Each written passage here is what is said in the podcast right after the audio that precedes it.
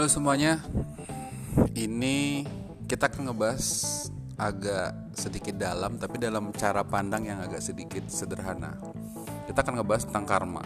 Nah, ini kenapa saya bilang kita akan ngebahas topik yang agak dalam, tapi dengan cara pikir yang sederhana. Jadi pernah berapa kali dalam obrolan itu saya mikir, fungsi karma itu apa sih? Nah bagi teman-teman yang nggak tahu karma, karma itu kira-kira adalah hmm, buah dari apa yang kita hasilkan. Misalkan gini, misalkan hari ini saya mukul teman, nah besok saya dipukul, kayak gitu-gitu.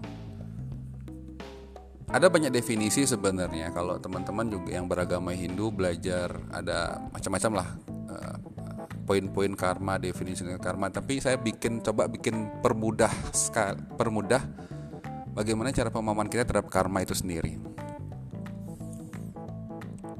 Menurut saya karma itu sederhana sebenarnya. Karma itu adalah cara untuk membuat kita tidak terlalu sedih ketika sedih, tidak terlalu bahagia ketika bahagia. Paham atau bingung? Gini, saya ulang lagi ya. Karma adalah cara untuk kita agar tidak sedih ketika sedih dan tidak bahagia ketika bahagia. Jadi saya jelaskan agak lebar nih. Contoh, tiba-tiba saya dapat hadiah atau tiba-tiba saya dapat taruhlah dapat THR lah bahagia kan?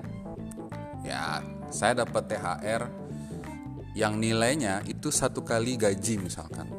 Bahagia bahagia pasti. Siapa yang nggak bahagia dapat THR tapi ketika kita berpikir uh, dengan pemahaman karma kita akan mikir nih bahwa apa yang kita dapatkan THR itu sesungguhnya adalah buah dari kerja keras kita.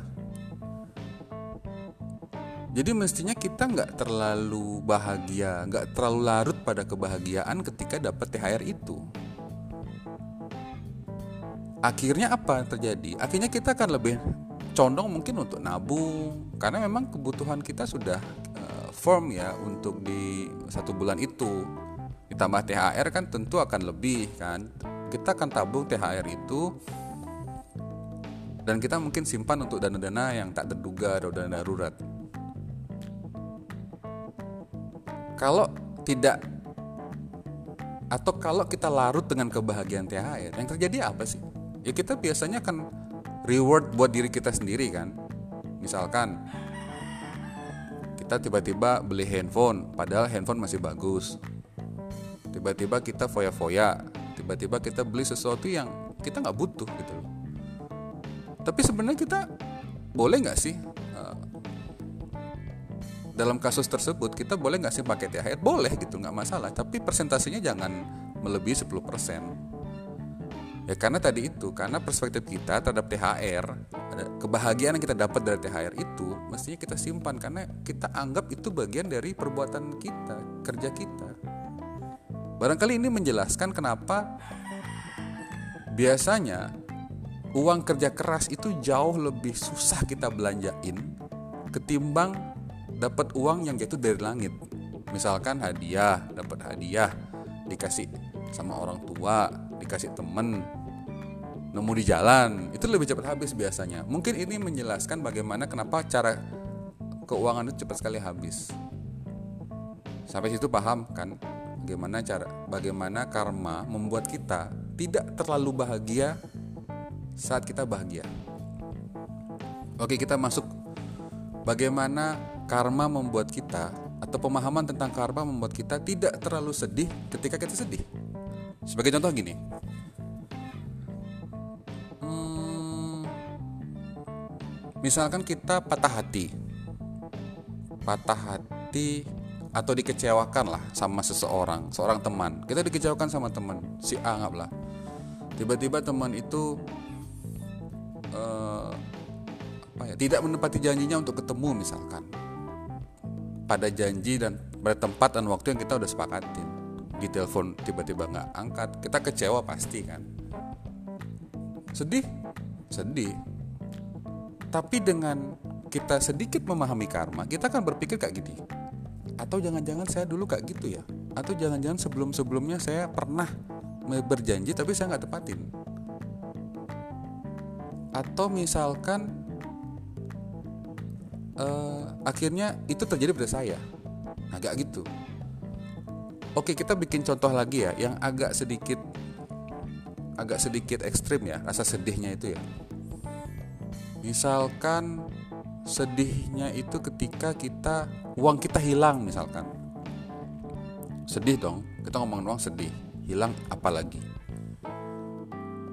terus yang terjadi apa? Kita kan nggak mungkin larut dalam kesedihan itu kan kita nggak mungkin kemudian pulang nangis 2-3 hari 4 malam nggak apa-ngapain yang biasanya kita kerja kita nggak kerja mestinya kerjakan tugas kita nggak kerjakan tugas itu sedih kan. Tapi dengan sedikit sedikit aja kita memahami karma kita akan jadi orang yang kayak gini. Oh mungkin mungkin uang mungkin bukan uang kita gitu oh mungkin dulu saya dapat uang dengan cara yang sama nemu dan akhirnya sekarang uang itu hilang dengan cara yang sama. Sampai situ paham ya?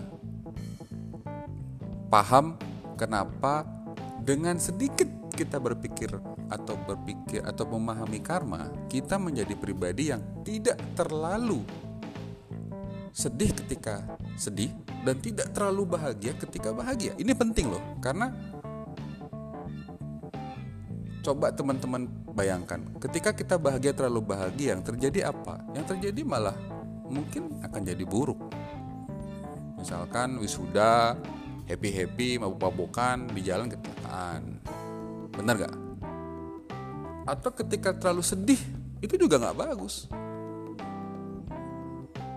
Akhirnya tidak produktif, yang mestinya kerja gak bisa. Nah gitu.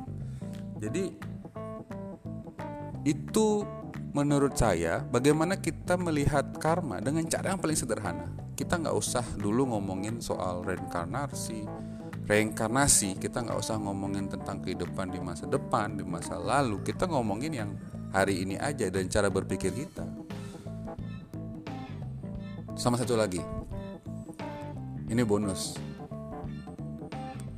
Saya pernah sering bahkan ada dalam masa-masa yang sulit sulit itu ya nggak besar nggak kecil. Tapi pernah misalkan kayak kedinginan di tengah jalan ketika naik motor misalkan lagi kelaparan.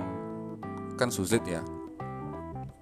Ketika kita bicara sedikit aja memahami karma lagi-lagi sedikit aja kita kan jadi pribadi yang mikirnya kayak gini. Emang ada yang selamanya? Emang apa yang selamanya Apakah kebahagiaan itu selamanya? Apakah penderitaan itu selamanya? Kan tidak ada yang selamanya, bahkan penderitaan itu sekalipun. Nah gitu, sehingga kita apa ya? Saya sendiri sebenarnya sedang proses juga, tapi kira-kira kalau pikiran-pikiran ini bermanfaat, saya rasa saya akan sangat senang sekali gitu. Oke, jadi itu dulu tentang bagaimana kita memahami kedalaman karma dengan cara berpikir yang sederhana. Terima kasih telah mendengar. Salam.